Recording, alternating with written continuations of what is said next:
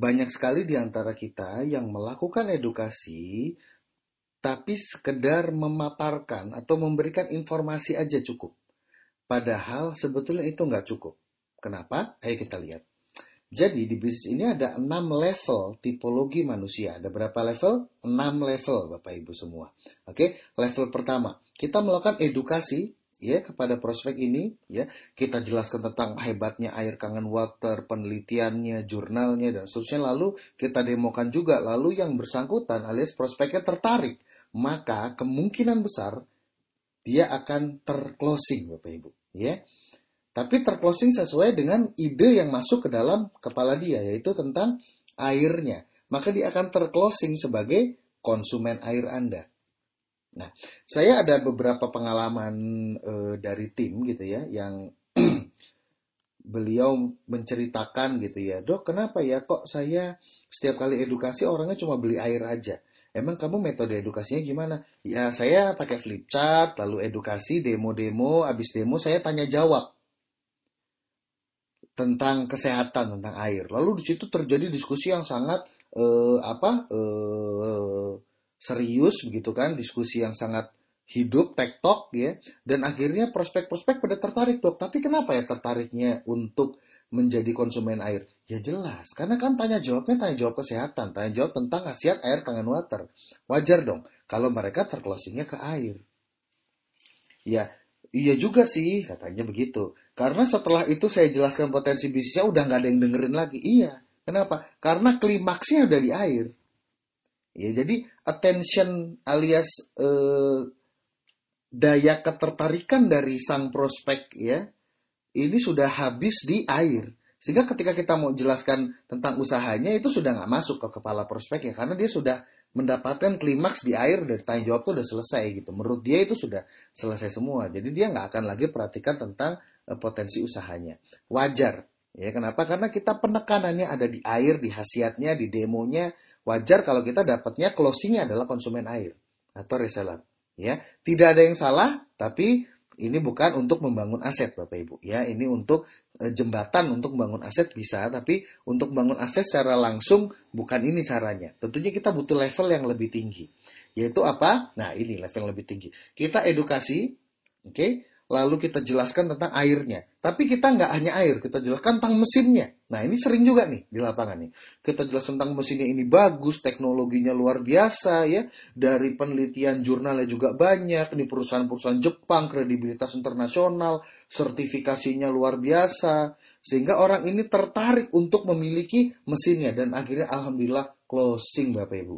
Hanya saja closing level 2 ini closing menjadi user Ya, jadi beliau ini hanya melakukan pembelian mesin lalu udah. Sering nggak yang seperti ini Bapak Ibu? Sering. Iya, Anda closing nggak? Ya closing juga lah. Ya, kita juga butuh unit, ya kan? Butuh komisi juga ya. Kalau ada user ya ambil aja, jangan dijauhi. Uang ini rezeki kok Bapak Ibu. Hanya saja bukan ini cara membangun aset, ya. Banyak sekali di antara kita, dok kenapa ya saya edukasi ke orang banyak loh, sudah closing banyak, tapi kok nggak ada yang jalan, nggak ada jenderalnya, nggak punya tim yang aktif bergerak di di lapangan. Kenapa ya? Wajar. Kenapa? Karena yang ditargetkan adalah mungkin adalah orang-orang yang berduit, yang bisnisnya sudah mungkin miliaran, puluhan miliar sebulan. Lalu dia nggak jelaskan tentang potensi usaha di Kangen Water ini, hanya jelaskan tentang khasiat air, manfaat air, lalu tentang kehebatan mesin. Wajar kalau prospeknya beli mesin dan hanya sekedar menjadi user. Masuk akal Bapak Ibu? Masuk akal. Ya kan? Apa ide yang kita lontarkan kepada orang lain, maka ide itu yang diterima. Gitu aja. Ada sebuah pepatah, yaitu apa? Makna sejati dari sebuah komunikasi adalah respon yang kita dapatkan. The meaning of the communications is the response you get. Makna dari sebuah komunikasi, makna sejati dari komunikasi adalah respon apa yang kita dapatkan. Kalau responnya adalah air, berarti ide yang masuk kepada orangnya adalah air. Kalau responnya adalah beli mesin sebagai user, berarti ide yang masuknya adalah tentang mesin. Jadi tidak ada yang salah di sini. Ya, hanya saja kita belum memahami bagaimana kita memindahkan ide di kepala kita men menjadi sama frekuensinya kepada dengan pikiran eh, prospek kita ya. Nah, ini yang belum ter eh, sama sama tersamaratakan frekuensinya. Nah, kita butuh level yang lebih tinggi daripada sekedar user. Oke, gimana tuh? Naik level 3. Oke, Anda edukasi Bapak Ibu. Wah, dengan semangat Anda edukasi tentang air, Anda demokan, lalu Anda edukasikan tentang uh, si mesinnya juga, ya kan? Lalu Anda nggak pakai tanya jawab, bablas langsung Anda jelaskan tentang usahanya. Nah, ini keren nih. Ya, tapi Anda jelaskan mendetail tentang eh, depo air ya. Nanti Anda jelaskan tentang ini air bakunya di rumah pakai sumur, pakai filter, pakai ini, prosesnya begini begini nanti kita tarik air sumber air, kita lakukan pembersihan bakteri, lalu wis apalah pokoknya. Sehingga lebih cenderung mengarahkan ke bisnis retailnya gitu lah. Menarik memang bisnis retail jualan air ini, ya. Apalagi Anda melihat ternyata sang e, prospek ini misalkan gitu ya, sang prospek ini punya usaha yang e, sudah berjalan lalu sudah banyak orang e, yang sering datang ke tempat usahanya, misalnya e, restoran, warung makan, ya kan? Wah, Anda kebayang nggak Pak? Anda punya pelanggan 100 sehari, kalau 10 persennya aja tiap hari beli air nih di warung nasi bapak ini udah berapa keuntungannya? Wajar nggak kalau yang bersangkutan akhirnya memutuskan beli mesin dan menjadi penjual air? Kenapa? Karena ide yang dia tangkap adalah ide jualan airnya. The meaning of the communication is the response you get. Makna sejati dari sebuah komunikasi adalah respons yang kita raih, respons yang kita dapatkan. Ketika orangnya responsnya kepada kita adalah, oke okay, saya mau usaha ini, lalu bikinkan proposalnya, loh, loh, loh, sebentar, sebentar. Perasaan kita lagi ngomongin bisnis besar ya. Kok pakai proposal hitung-hitungan eh, galon, terus hitung-hitungan per botol 600 mili. Kayaknya ini ada yang salah channelnya ini. Uh, kayaknya bukan bukan level ini yang kita harapkan karena ini masih belum level aset Bapak Ibu ya. Nah, kita butuh level yang lebih tinggi lagi dari sekedar level nomor tiga ini. Nah, makanya dikasih garis putus-putus. Di level inilah yang kita harapkan, yaitu apa? Level aset. Yaitu gimana caranya kita lakukan edukasi kita edukasi tentang produk, kita demokan, kita jelaskan tentang mesin juga, jurnalnya, penelitiannya, ya. Lalu juga kita tunjukkan tentang potensi usahanya dari usaha retailnya, lalu langsung kita sambung dari usaha 8 point systemnya. Ini loh 8 point system. Penghitungannya tuh seperti ini loh. Ya, ini potensinya besar loh. Tahu dari mana? Ini loh bukti-buktinya. Anda perlu tunjukkan bukti-bukti screenshot rekening itu Bapak Ibu. Kalau eh, Anda belum punya, pinjam ke sponsor Anda. Tapi kalau Anda sudah punya walaupun cuma sekali transfer 2,9 juta masuk ke rekening Anda, Anda perlu tunjukkan itu. Ya, bagaimanapun juga sedikit tapi punya sendiri itu jauh lebih berarti daripada banyak tapi punya orang lain. Percaya sama saya Bapak Ibu. Walaupun Anda baru sekali terima transferan 2,9, Anda tunjukkan bukti screenshot itu kepada eh, prospek Anda. Yang belum punya internet banking, segera bikin internet banking ya sehingga orang ini menjadi tergerak hatinya. Orang ini tertarik dengan usahanya tapi dia kan harus memilih. Saya ini tertarik kalau suatu saat saya e, menjalankan usaha ini caranya adalah dengan saya punya mesin sehingga saya aktif di usaha ini maka saya harus bergerak bareng siapa ya? Karena ada saudara saya juga jalankan kangen water juga, teman kantor saya juga jalankan kangen water juga. Kenapa saya harus belinya kangen waternya ini harus ikut tim Anda. Nah, seperti itu Bapak Ibu. Nah, itu yang disebut dengan kredibilitas. Maka perlu sekali walaupun satu transferan, Anda tunjukkan bahwa itu atas nama diri Anda sendiri. Itu adalah raihan pribadi Anda. Lebih bagus satu poin 2,9 punya sendiri daripada ratusan juta punya orang lain. Dia perlu juga tunjukkan punya orang lain supaya tahu potensinya ke mana, tapi Anda perlu tunjukkan yang punya Andanya juga Bapak Ibu. Ya, pengalaman saya seperti itu. Dengan Anda tunjukkan punya Anda pribadi, walaupun sedikit, orang itu trust, orang itu akan percaya kepada Anda. Sebagai contoh, dulu saya belum dapat komisi, Bapak Ibu. Terus saya edukasi. Lalu saya tunjukkan uh, rekening sponsor saya, Dr. Gigi Wikan, yang waktu itu udah 100 juta sebulan. Saya tunjukkan. Lantas prospeknya bilang begini, ya itu kan punyanya uh, uh, leadernya. Sekarang punya dokter Angganya mana? Loh, saya digituin, Pak Bu. Lu saya nggak punya, belum terima komisi, belum pernah nih. Belum masuk komisi saya belum belum belum ada. Terus saya bilang apa? Justru itu bro. Ente beli mesin kan berarti gue dapat komisi. Nanti kalau komisi masuk, gue tunjukin ke lu. Nggak apa-apa, gue juga baru mulai. Nah, lebih enak kita tuh low profile Bapak Ibu. Gue juga baru mulai. Gue juga masih belajar. Tapi bro, mau nggak kita bareng-bareng aktif di usaha ini? Ayo, kita insya Allah bisa sukses bareng-bareng. Ya, gue juga baru belajar. Ayo kita belajar sama-sama, kita berproses sama-sama, bertumbuh sama-sama, kita aktif sama-sama. Insya Allah kita juga bisa sukses sama-sama. Itu Bapak Ibu. Jadi sebetulnya ide di level 4 ini bukanlah ide closing mesin. Closing mesin tuh gampang. Closing user bisa, orang kaya aja Anda. Datengin orang yang punya duit miliaran, rumahnya segede apa, para pejabat. Wah, gampang Bapak Ibu closing closing mesin doang itu gampang. Kalau Anda mau closing mesin, closing aja orang kaya. Ya nggak? Atau closing orang yang punya usaha. Lantas dia akan beli mesin jualan air. Tapi bukan itu yang kita inginkan. Ya bukan hanya sekedar itu maksudnya. Tapi kita butuh orang yang mau aktif bergerak bersama dengan kita. Bukan aktif bergerak bersama saudaranya tadi. Atau aktif bergerak bersama teman kantornya tadi. Enggak. Tapi harus dengan Anda. Makanya harus ada kredibilitas yang bisa Anda tunjukkan. Nah itu orang aktif nih Bapak Ibu. Sehingga niat kita edukasi sudah berbeda. Ya, kalau kita niatnya untuk mengclosing mesin, Anda akan dapat closingan mesin. Tapi bukan dapat orang aktif. Untuk bisa Anda dapat orang aktif gimana caranya? Anda edukasi, niat Anda beda. Niat Anda adalah Anda angkat, Anda gerakan hatinya, pikirannya orang ini untuk mau bergerak bersama dengan tim Anda. Ini kan udah beda, Pak Bu. Sehingga yang Anda jual sudah bukan si uh, kain waternya itu bagus, mesinnya bagus, enggak. Tapi Anda dan tim Anda, itu yang Anda jual. Titik-titik ide yang mau disampaikan kan itu ya kan? Sehingga orang ini mau aktif bergerak bersama tim Anda. Itu garis bawahi. Oke, okay? sehingga dari dia aktif, aktif, aktif nanti kita lakukan pembinaan, ya metode pembinaannya nanti anda bisa konsultasikan kepada leader aktif anda yang terdekat, ya lama-lama orang aktif ini akan menjadi e, mandiri, bisa edukasi jalan sendiri, lalu bisa closing sendiri. Nah ini akan terjadi bapak ibu, ya karena kita butuh mencetak paling pertama dulu dia mau aktif dulu deh, ya dia mau aktif dulu. Kalau sudah begitu maka dia akan naik level 5 menjadi aktif, produktif dan mengikuti sistem. Nah, sering kali begini, dok, saya uh, closing, ya, orangnya mau aktif tapi angin-anginan. Maka saya akan tanya, kamunya angin-anginan nggak?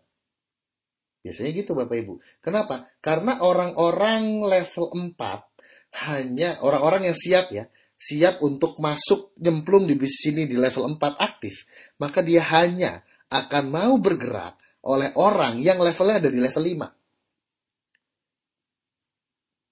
Jadi kalau Anda baru aktif doang, ya, aktif belajar, aktif lihat Facebook Live, ya, aktif melakukan edukasi-edukasi, tapi belum belum mengikuti sistem, belum belum menyelenggarakan mini kaget sendiri, home sharing sendiri, ya eh, belum meningkatkan kapasitas diri Anda, Anda belum membaca buku-buku positif, belum pokoknya belum upgrade diri Anda, maka Anda belum level 5.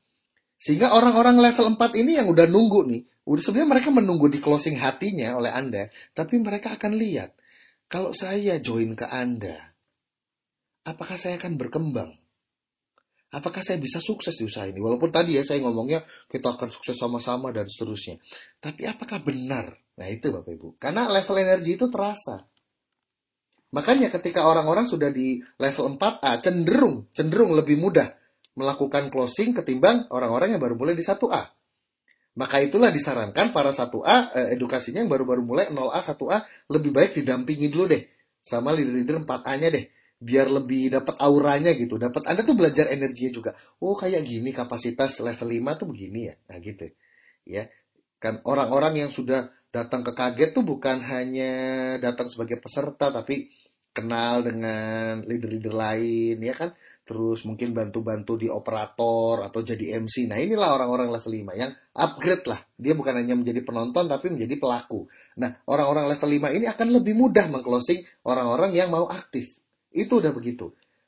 Jadi kalau Anda belum dapat jenderal, kemungkinan karena Anda belum level 5 gitu aja. Ya. Nah, Suatu saat level 5 ini akan menjadi 6A, 6A2, 6A2 dash 2 dan seterusnya maka mereka akan menjadi orang-orang excellence. Orang-orang excellence ini sudah bukan lagi eh, apa ya sudah bukan lagi anak-anak dari kita bahkan Enagic menyebutkan orang-orang excellence ini adalah anak-anak dari perusahaannya langsung. Jadi ketika Anda menjadi seorang 6A2 Destri misalkan, maka Anda sudah diakuisisi gitu ya, dalam tanda kutip oleh 6A, uh, 6A2 Destri itu dianggap sebagai anak dari perusahaan Enagic dikasih pohon di Okinawa, diperlakukan secara khusus, diundang ke forum-forum internasional, suruh sharing ke negara-negara lain ya kurang lebih seperti itu. Itu orang-orang level excellence.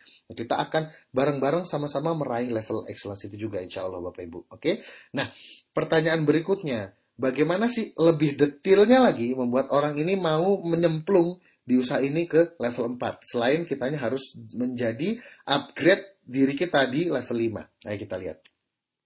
Ya, nah di sinilah orang-orang aktif.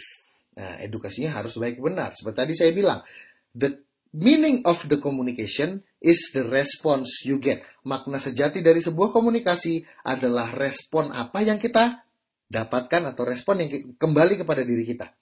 Kalau responnya adalah user, ya berarti ide yang nyampe ya user. Gitu. Kalau responnya adalah respon tentang air berarti adalah yang kita sampaikan idenya air. Nah, berarti ide kita yang kita sampaikan salah Bapak Ibu.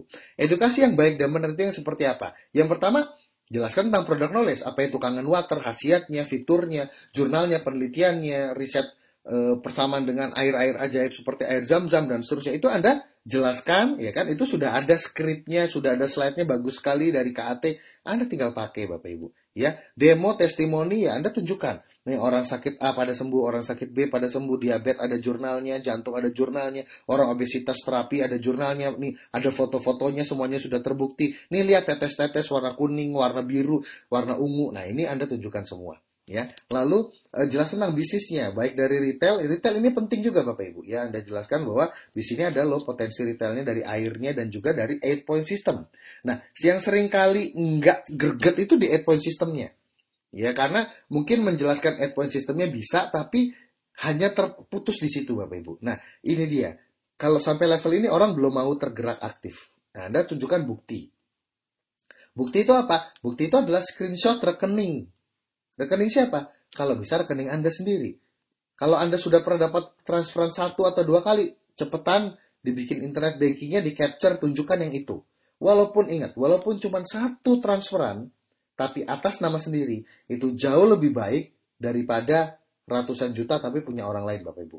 Orang akan percaya kepada kredibilitas diri Anda bukan kepada diri orang lain. Jadi jangan heran kalau misalnya edukasi padahal Anda udah dapat transferan nih sekali dua kali tapi Anda edukasinya masih pakai uh, screenshot rekening uh, leader Anda. Misalnya pakai rekening dokter gigi Wikan. Ya jangan heran kalau suatu hari orang ini malah tertarik joinnya ke dokter gigi Wikan. Ya walaupun ya jadi bypass loncat ke atas gitu ya. Ah mendingan saya ke dokter gigi Wikan aja nih. Sudah terbukti income satu miliar. E, berarti saya tinggal nyontek aja cara-caranya ke orangnya langsung. Nah itu bapak ibu ya sehingga kredibilitas yang terbangun bukanlah diri anda dan tim anda tapi malah kredibilitas orang lain ya jadi upline anda adalah untuk kita edifikasi ya kan untuk tempat belajar tapi bergeraknya dengan Anda dan melalui tim Anda. Nah, itu Bapak Ibu. Jadi kredibilitas Anda dan kredibilitas tim Anda itulah yang perlu Anda bangun. Lalu terakhir adalah closing session dan message. Nah, ini yang paling penting, ya. Karena di sini akan ngebungkus eh, rapih, ngebungkus menjadi semakin cantik di sini, ya. Mempercantik yang memang sudah cantik, bukan mempercantik yang jelek. Mempercantik yang memang sudah luar biasa ini kan empat poin yang awal ini kan sudah poin-poin luar biasa ya. Nah, apa gunanya kita melakukan edifikasi produk knowledge supaya tahu, paham dan jelas? Karena banyak orang tahu kangen water tapi nggak paham kangen water itu apa. Ya kan cuman taunya cuman pernah dapat brosur atau mungkin pernah lihat di pinggir jalan ada yang jualan kangen water cuman sekedar tahu aja tapi nggak paham, nggak jelas kangen water itu apa sih gitu. Jadi orang ini perlu dikasih tahu tentang kangen water dari sisi produk knowledge-nya. Nah, dikasih demo dan testimoni tentang kesembuhan penyakit supaya apa? Supaya ini dapat fakta yang tidak terbantahkan. Kalau orang sudah tahu, sudah paham, sudah jelas, itu baru masuk ranah logika. Tapi ketika dia sudah dapat fakta yang tidak terbantahkan, ayo mau ngapain?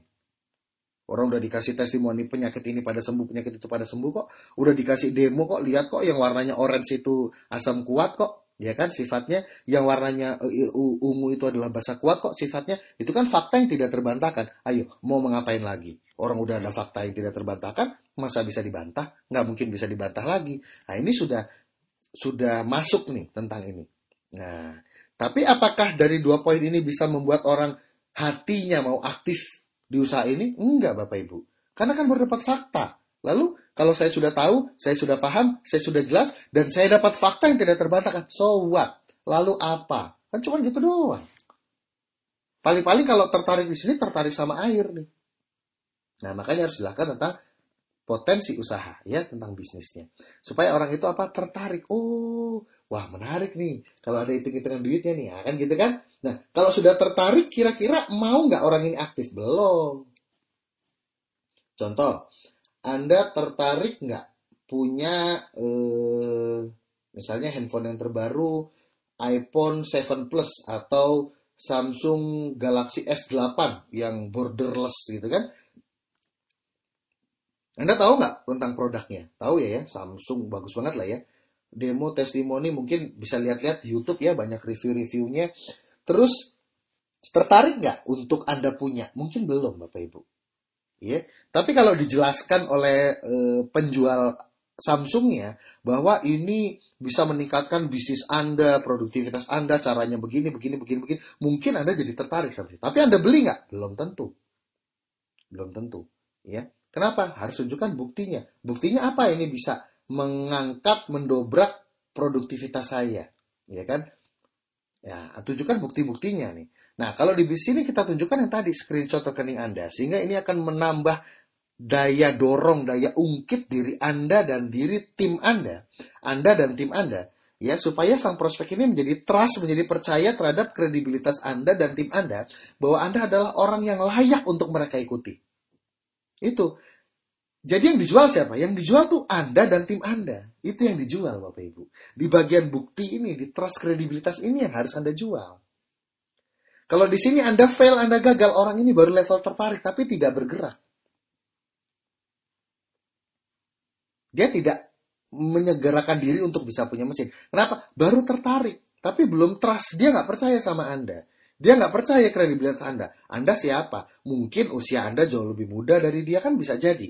Atau status sosial Anda jauh lebih di bawah dia. Atau tingkat pendidikan Anda jauh di bawah dia. Atau mungkin uh, uh, dia adalah atasan Anda di kantor. Atau di organisasi dia adalah uh, ketua organisasi dan kan Anda hanya uh, staff. Ini kan semuanya butuh trust kredibilitas Bapak Ibu.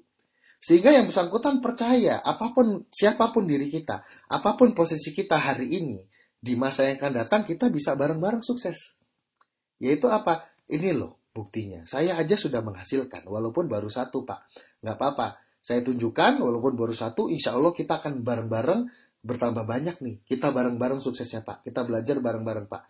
Insya Allah dengan kita berangkat bareng-bareng dari sekarang, kita insya Allah di masa yang datang bisa sukses bareng-bareng pak. Nah ini bapak ibu bukti ya. Sebaik-baiknya bukti adalah bukti diri kita sendiri, bukan bukti orang lain.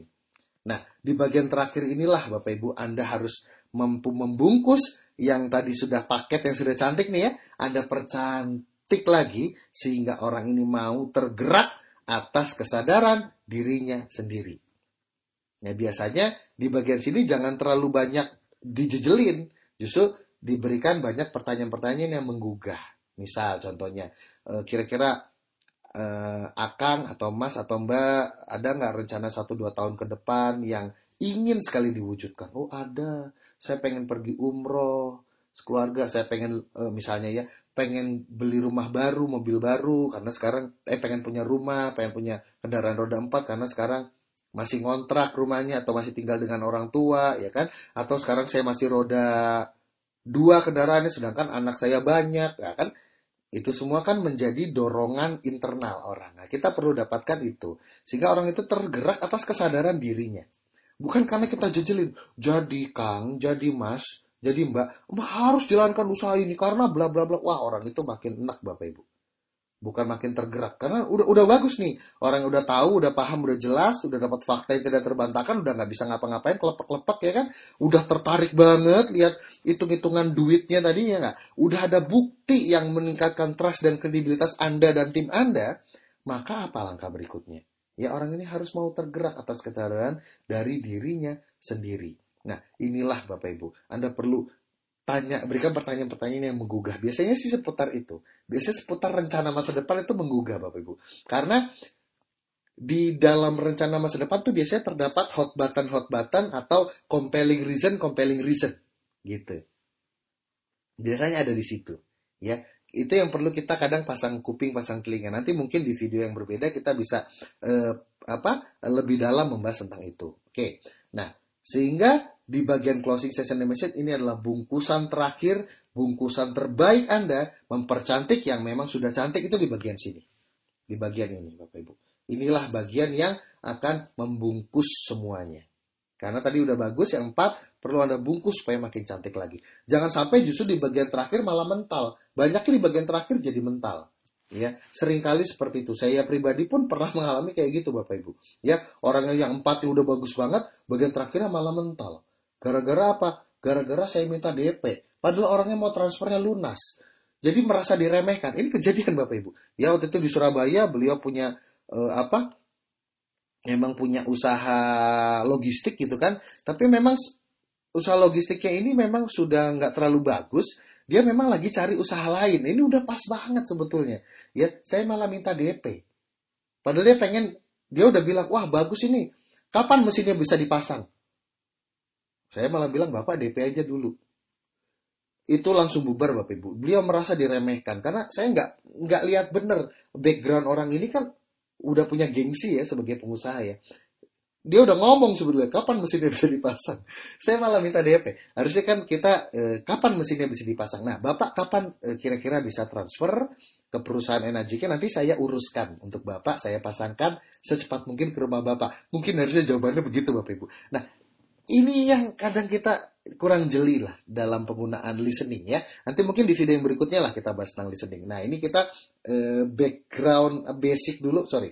Ini adalah basic tentang uh, mentality kita dulu ya. Bagaimana orang mau tergerak atas cara dirinya sendiri. Nah setelah orang sudah ada kepikiran menerawang satu dua tahun ke depan rencana masa depannya apa begitu kan. Nah ketika dia sudah bercerita, nah di sini kita sebenarnya sudah dapat bahwa orang itu sudah tergerak dari hatinya. Bagaimana?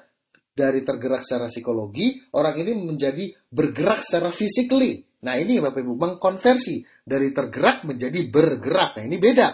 Kalau tergerak itu baru dari hati dan pikirannya, ya niatnya ya. Kalau bergerak ini badannya, fisiknya. Nah caranya gimana?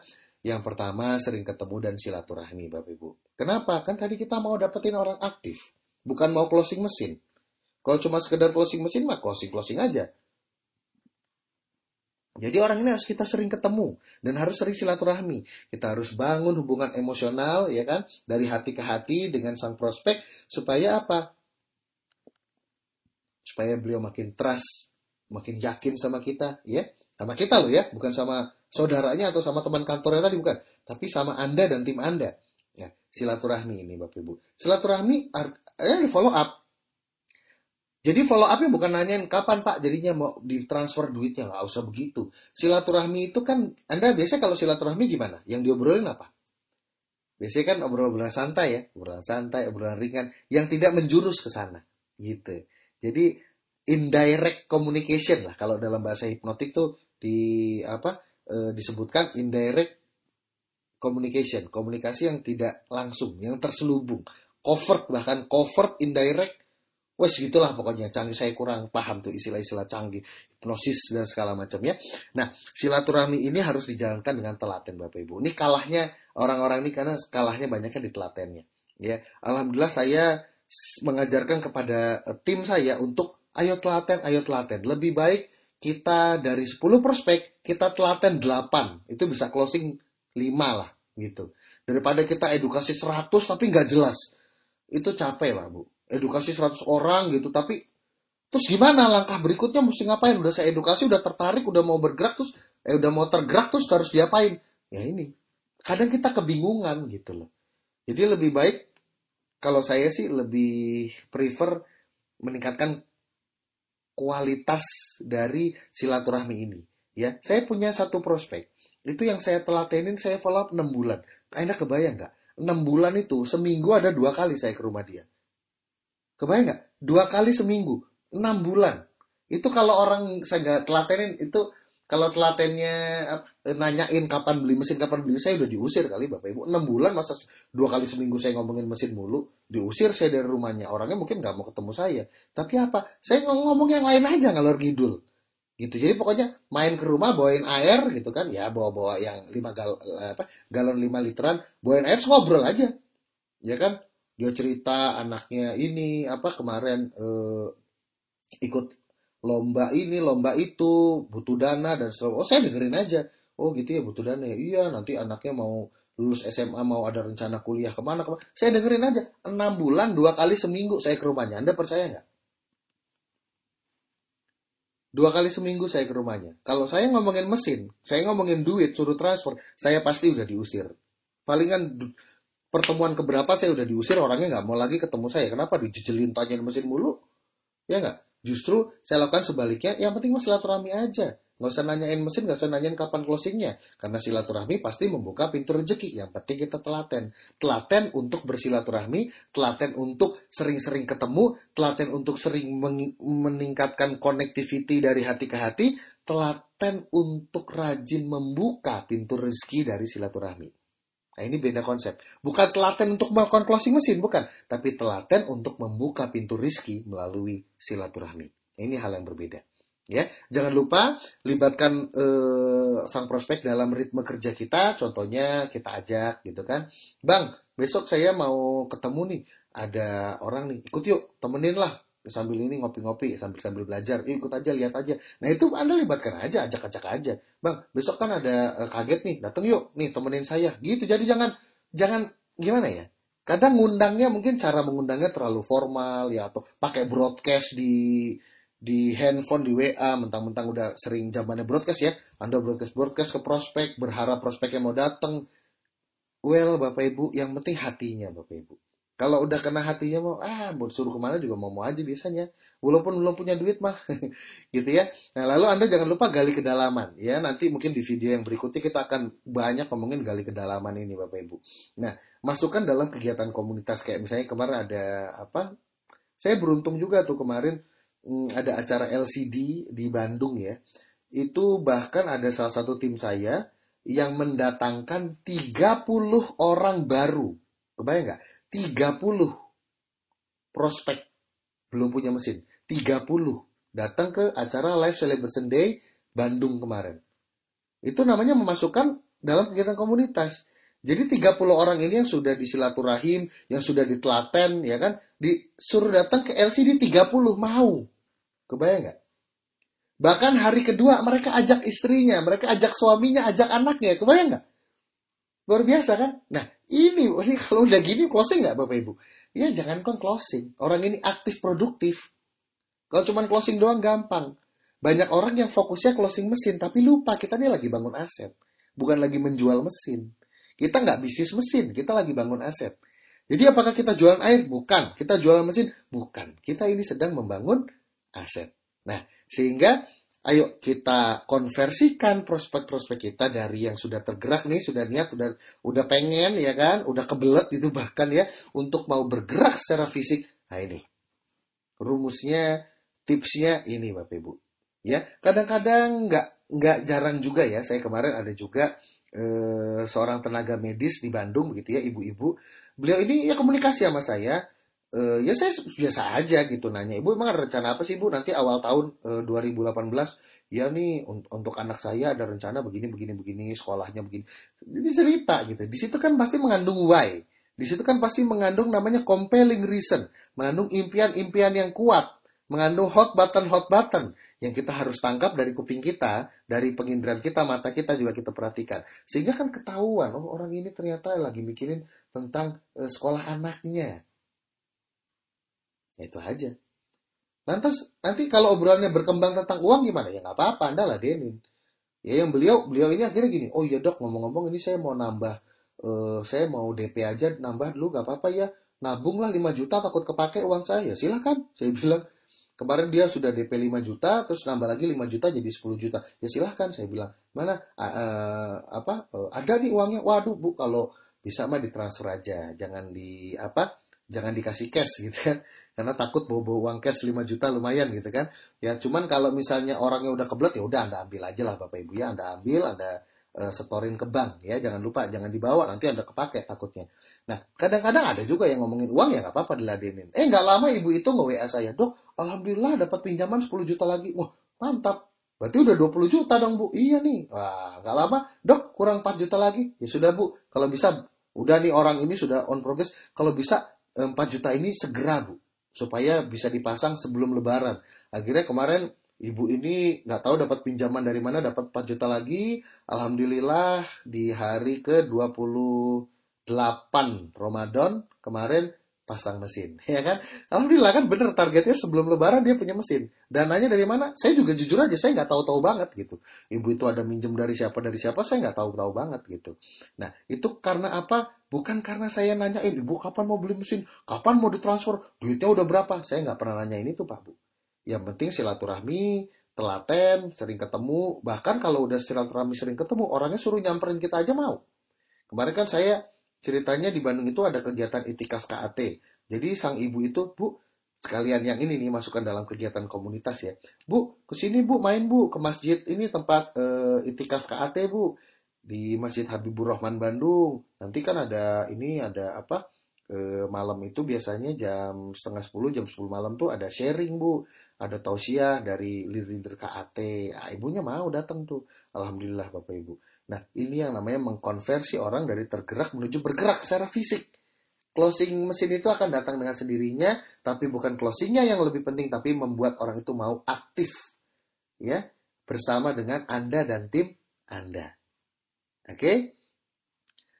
Jangan lupa, ICE, Indonesia Convention Exhibition, adalah sebuah arena hall internasional ya ini skala internasional tempatnya di BSD Bumi Serpong Damai nah ini ada banyak sekali hall raksasa di sana ya untuk konser untuk seminar seminar-seminar akbar nah kita ini sering kali menggunakan ICE ini untuk apa? Jangan lupa siapkan diri Anda live celebration day.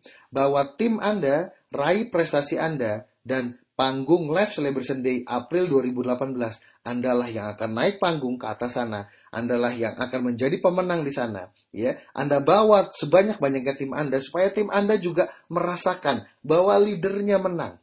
Kalau Anda menjadi pemenang di panggung LCD Live Celebration Day April 2018 sebagai seorang 5A, sebagai seorang 6A, 6A2 dan seterusnya, maka berikutnya giliran siapa kalau bukan giliran tim Anda. Nah, itulah yang akan memberikan visi besar kepada tim kita Bapak Ibu bahwa ya, saya juga bisa menang. Kenapa? Karena sponsor saya, leader saya sudah menjadi pemenang, maka berikutnya pasti giliran saya. Ini akan menambah daya dobrak, semangat, perjuangan, motivasi kepada tim kita, ya, hingga mereka meraih panggung kemenangan di live celebration day berikutnya. Sampai jumpa di live celebration day April 2018.